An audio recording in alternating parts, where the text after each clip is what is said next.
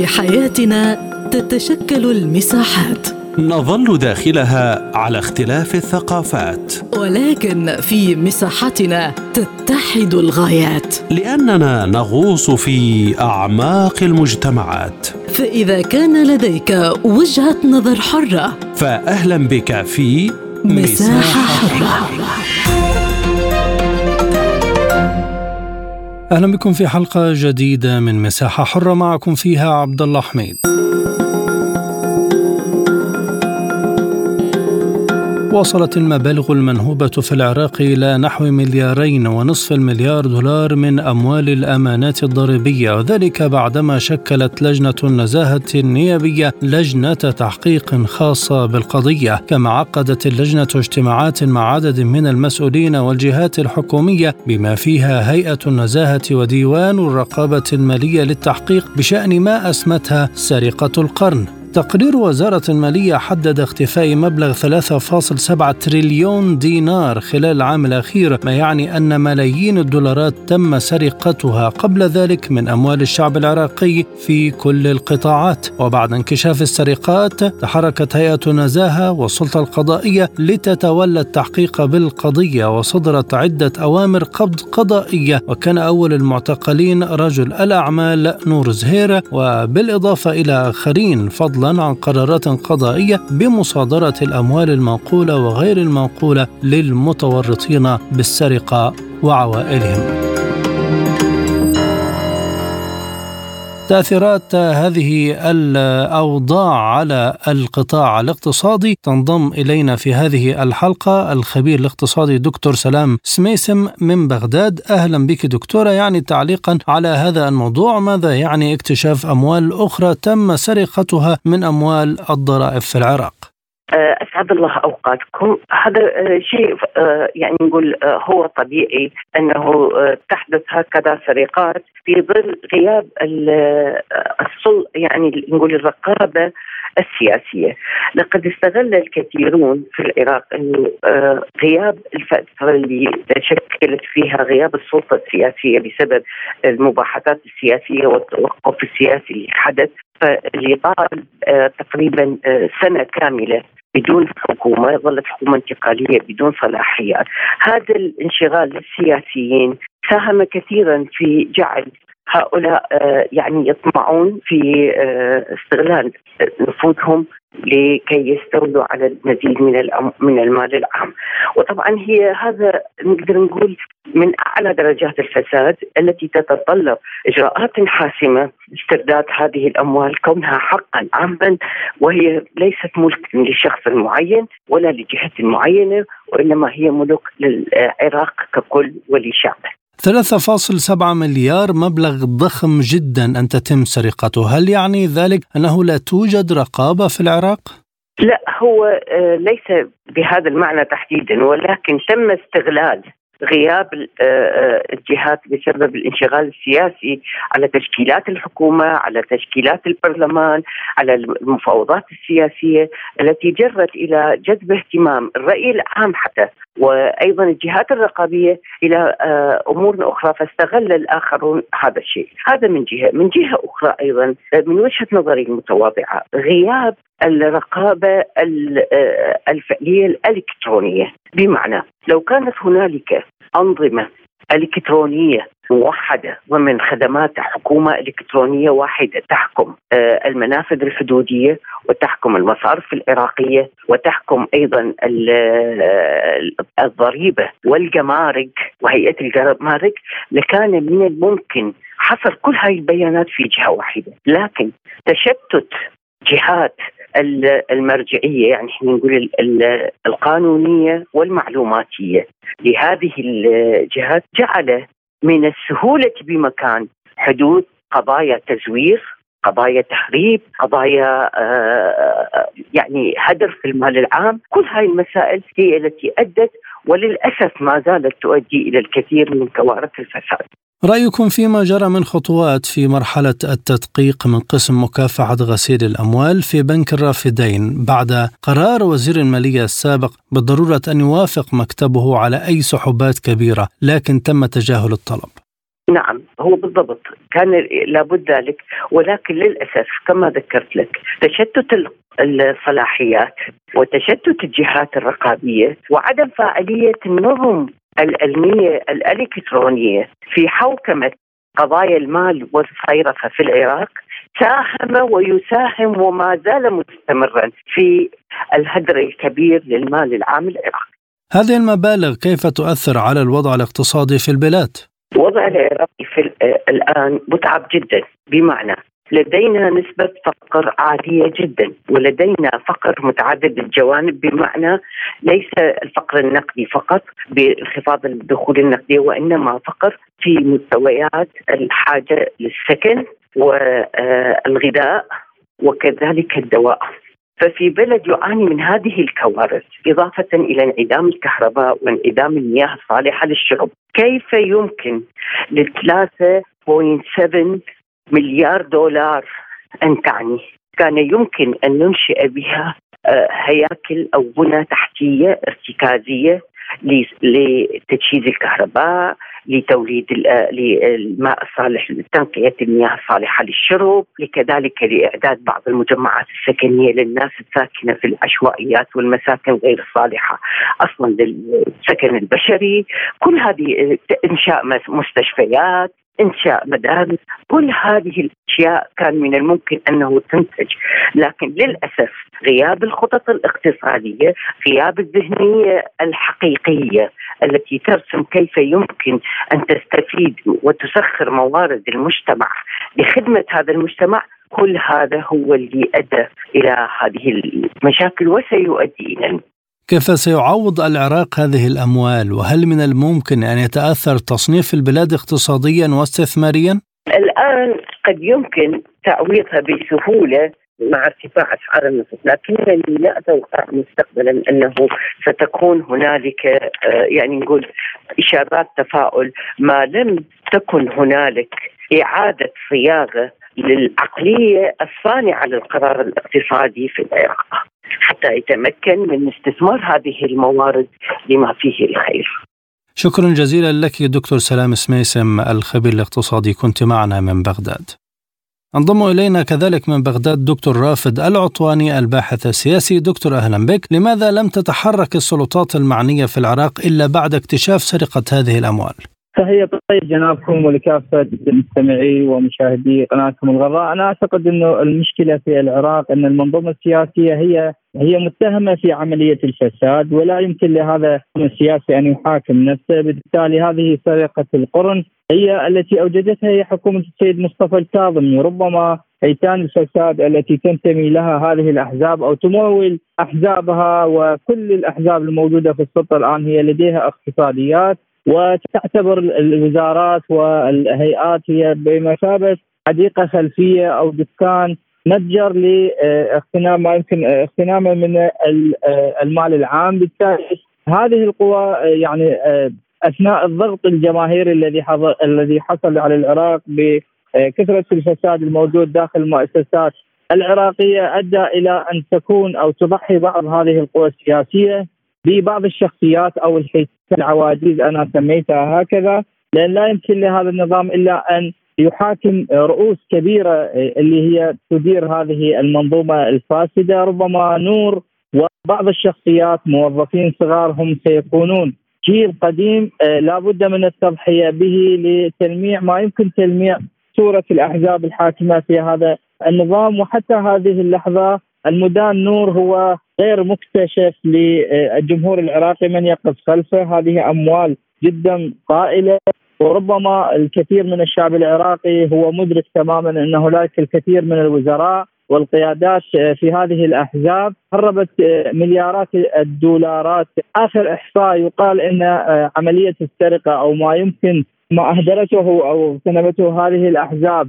منذ 2003 الآن هو يبلغ حوالي 550 مليار دولار. مليارين هي آه، من كشفتها حكومة السيد مصطفى الكاظمي. فأعتقد أن آه، عدم الشفافية أيضا آه، لا يعطينا أريحية كافية بأن هذا النظام السياسي أو القوى السياسية هي جادة في عمليه محاربة الفساد. حتى هذه اللحظة قبل أسبوع من الآن أيضا شركة متهمة اللي هي بوابة عشتار مسك الراعي لهذه الشركة لكن أطلق سراحه في يوم كان عطلة وما أثار استغراب الشارع العراقي وحتى بعض الشخصيات التي اتهمت هي في موضوع القرن كأعضاء في جهاز المخابرات ومستشار رئيس الوزراء السابق اللي هو هيثم الجبوري هم حتى هذا اللحظة غير معتقلين. لكن وزير المالية في حكومة الكاظمي استقال في أثناء عملية التدقيق، فلماذا يتم اتهام حكومة الكاظمي؟ أنا أعتقد إنه آه، السيد الكاظم هو لا يوجد حزب يسنده هو رجل جاء من رحم الناس آه، أو ما بعد تشرين هو اتفقت عليه قوى اللي هي الفتح وسائرون وبعض القوى داخل الاطار التنسيقي كحكومة انتقالية إعداد انتخابات لمغادرته السلطة. يعني كثير من الإشكالات تحدث في العراق هي أن السلطة لا يمكن محاكمة نفسها. لو كان السيد مصطفى الكاظمي آه، موجود الآن في النظام يعني هو آه، في في إدارة النظام لا يمكن محاكمة الكثير من الشخصيات التي أمسكتها. وعلى غرار ذلك لأنه لا توجد لديه سلطة حزبية تدعم ولا تقف آه، خلفه فبالتالي يمكن التضحية به، على العكس من القوى التي تمتلك السياسية وأذرع عسكرية تابعة لأحزاب واقتصاديات مهيمنة على المال العام آه، أنا أعتقد هي بعيدة عن المحاكمة والمساءله في قادم الأيام لكن السيد مصطفى الكاظمي ضحية لعدم انتماء لأحد هذه الأحزاب. هل هناك سياسيين أو مسؤولين بعينهم متورطين في القضية أيضا على اعتبار يعني أن مبالغ مثل هذه لن تخرج إلا باتفاق؟ المبلغ مبلغ مليارين ونصف مليار دولار لا يمكن تهريبه أو سرقته إلا بالتواصل من الجهات الحكوميه وأنت تعرف جناب إن النظام الإداري والمالي يخضع لبيروقراطية عالية جدا إذا ما تواطأت آه، قوى سياسية كبيرة من أجل اعطاء إدارية وقانونية لعملية تبويب هذه السرقة. لا يمكن لأي شخص سرقة هكذا مبلغ عالي. لأنه نحن كمواطنين بسطاء إذا أردنا أن نستلف من الدولة مبلغ لا يقدر حوالي ب عشرة آلاف دولار نحتاج أكثر من ثلاثة أشهر ومعاملة إدارية طويلة جدا. فأنا أعتقد أن آه، نظام المحاصصة هو السبب الرئيسي في عملية السرقات التي تحصل في العراق لأن كل آه، الإدارات والمناصب الخاصة والعليا الدولة العراقية هي تخضع للإرادة السياسية الحزبية.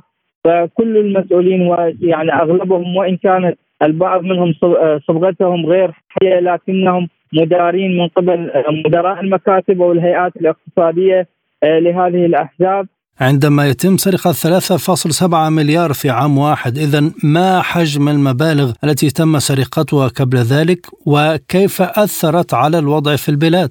تعرف يعني ويعرف المراقبون في الشارع العراقي أن آه، وزارة التخطيط وهيئة النزاهة تقدر الأموال المسروقة ليست فقط عبر بوابة ميزانية العراق إنما الكثير من المنافذ الحدودية ما يعرف بالضرائب التي تجبر آه، المواد المستوردة من خارج العراق. يعني تقدر إجمالي هذه السرقات بحوالي 551 مليار دولار آه، آه، هذه مجمل السرقات منذ 2003 حتى هذه اللحظة. يعني تعزيزا يعني تعزيزا للسرقات التي تحصل في آه، الوزارات والهيئات في العراق. يضاف إلى ذلك إن الكثير من المشاريع التي تم تسجيلها وتبويبها بشكل تعطيهم ذريعة لسرقة الكثير من الأموال التي تخص هذه المشاريع. وقد أثرت هذه السرقات بشكل واضح. على البنى التحتية في العراق وكذلك انتشار البطالة وما يعرف بغسيل الأموال الذي انتشر في العراق بشكل مهول عدم ضبط المنافذ الحدودية. هنالك أكثر من 50 آه، منفذ حدودي هو خارج سيطرة الدولة العراقية سواء كانت في إقليم كردستان أو المحافظات الجنوبية وحتى الغربية. هي تسيطر عليها جماعات مسلحة أو تابعة لهذه الأحزاب، طبعا هذه السرقات هي تؤثر بشكل كبير على الاقتصاد العراقي. لأن تعرف جنابك الاقتصاد العراقي هو ريعي مدخولاته اغلبها هي تعود إلى موضوع تصدير النفط مقابل إعطاء رواتب للموظفين مما يعني انعكس جدا حتى في أعداد الموظفين. الآن لدينا أكثر من 5 مليون موظف وهو الأعلى في العالم قياسا بنسبة العراق. آه، غياب آه، غسيل الأموال أدى إلى آه، ضياع الهوية أو الصناعة الوطنية مما عزف الكثير من آه، المستثمرين أو المصانع الأهلية لترك هذه المهنة والذهاب إلى عملية الاستيراد. وأيضا هؤلاء المستثمرين طبعا البعض منهم ليس كلهم تابعين للأحزاب أو ذهبوا من أجل يعني آه، خفض يعني الجنبه الضرائبية من كبيرة للأسواق العراقية أغرقت الأسواق العراقية بالمنتجات. التي آه، منخفضة جدا قياسا بالمنتجات العراقية هذا أثر كثيرا على السياسة العامة للاقتصاد العراقي. لا يوجد آه، شيء اسمه اقتصاد آه، خاص في العراق. اقتصاد ريعي. تعتمد كليا الشعب العراقي على موضوعة التعيين في الوظائف الحكومية. هذا أيضا أثر على الأموال الاستثمارية أو المشاريع الاستثمارية الخدمية التي تدخل في تماس مباشر مع حاجات المواطنين آه، اليوميه وبذلك هذه التأثير آه، رايناه يعني بشكل واضح المناطق يعني الجنوبية تحديدا القوى أو المكون الشيعي الأكثر ضررا اجتماعيا هو المكون الجنوبي. المحافظات تعاني الكثير من الإهمال آه، إهمال في عملية البطالة عملية التعليم. هنالك عوز كثير في يعني موضوعه التعليم نقص في الجانب الصحي حاد في الأدوية نقص حاد في المستلزمات المدرسية والبنايات المدرسية.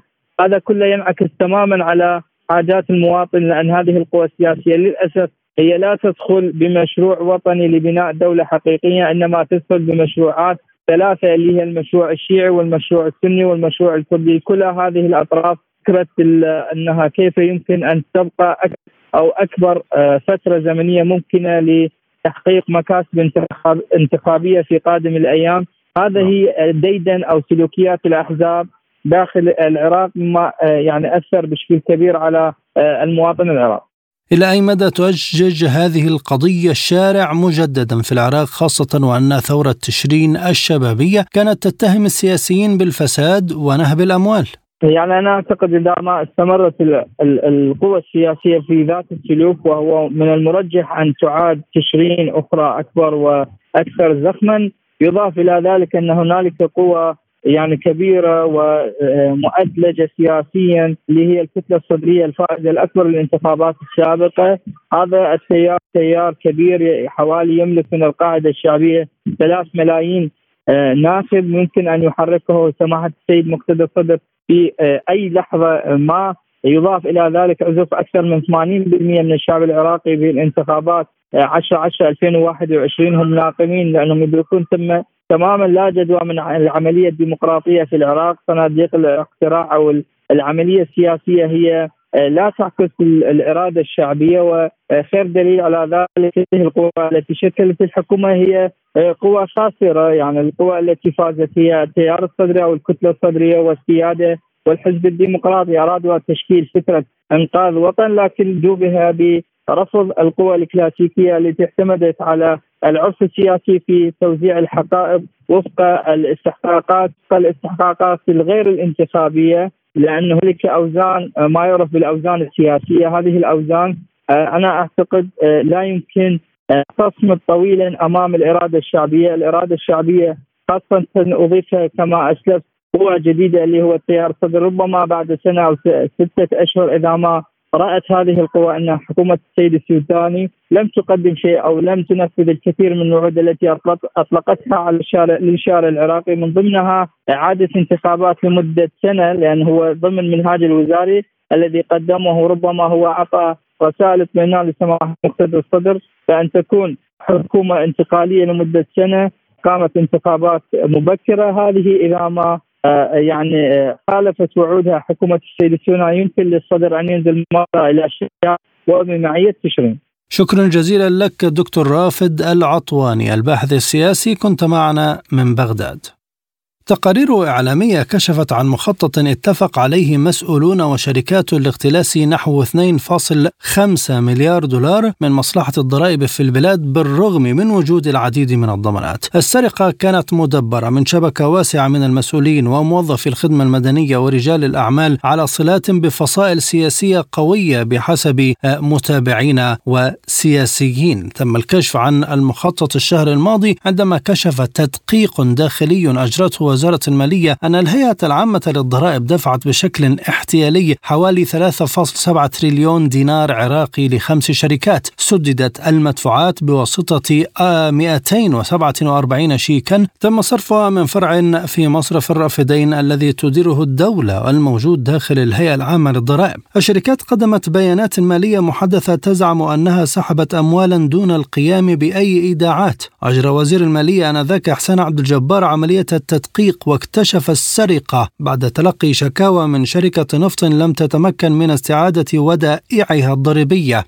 واكتشف الوزير أن رصيد هيئة الضرائب تراجع إلى 100 مليون دولار فقط وكان ذلك أول مؤشر على السرقة الهائلة. للمزيد من التحليل والمتابعة ينضم إلينا الخبير القانوني السيد جمال الأسدي. أهلا بك سيد الكريم. هل يمكن القول أن مديري هيئة الضرائب هم المسؤولون المباشرون عن هذه القضية؟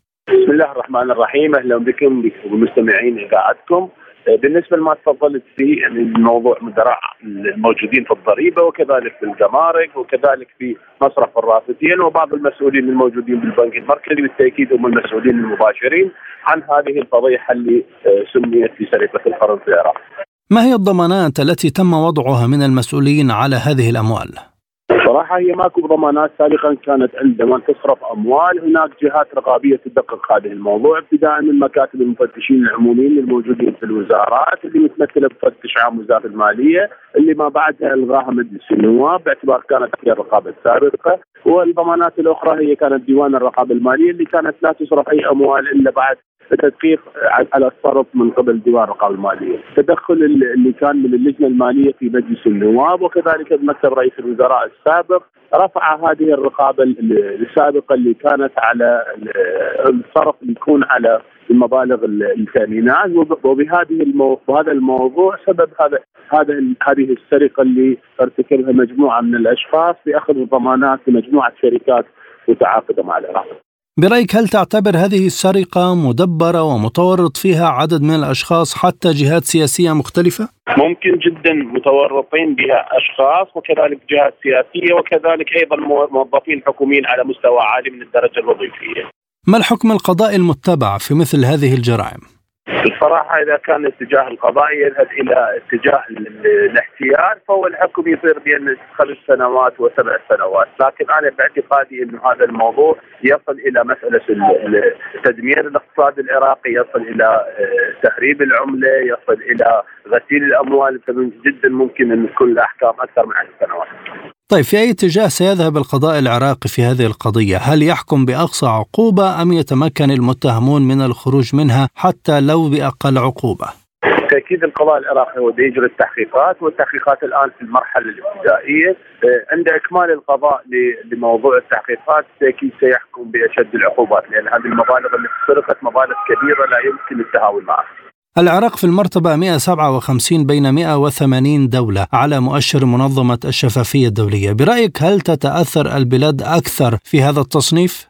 عموما هو المؤشر أصلا العراق مؤشر متدني إذا كان العراق لم لم يتخذ الإجراءات الأصولية في هذا الموضوع بالتأكيد إنه سيؤثر على مستوى العراق في هذا المؤشر. طيب سيد جمال هل قانون العقوبات العراقي بحاجة إلى تعديل للتعامل مع مثل هذه القضايا؟ أي قانون عقوبات في العالم بتطور الزمن يحتاج إلى تعديلات، لذلك إنه أيضا في هذا الموضوع وهذه السرقات يستوجب أن المشرع العراقي تجديد العقوبات في هذا الموضوع.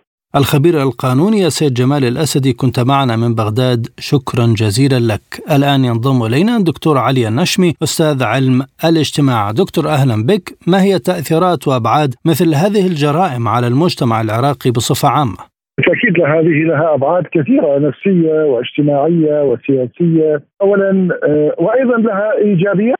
أيضا آه، اولا من باب السلبيات إنها تؤكد بأن آه، نظام الحكم هذا يسير على قاعدة أساسية هي النهب والسلب والاختفاء على حساب المال العام وعدم الانتباه لحياة الناس والمواطنين وبالتالي يخلق هوة ويخلق موقفا شعبيا تجاه السلطة وهذا يلغي ما يسمى بالعقد الاجتماعي ما بين السلطة والمجتمع من أيام جان جاك روسو وذلك هذا يزحزح اللبان ويجعل هنالك ضعف المواطنة وبالتالي يحط الشارع العماني التي عاشت وظهرت وترعرعت وترفت في ظل هكذا فساد بأنها ستمحو منحا سلبيا آه، نحو الفساد والسرقة والاختناق غير المشروع. آه، أيضا من جانب آخر تؤكد بأن هذا قد وصل إلى لا يمكن السكوت عنها ولا يمكن التهاون معها وبالتالي تحفز المجتمع وتحفز الناس لضرورة التغيير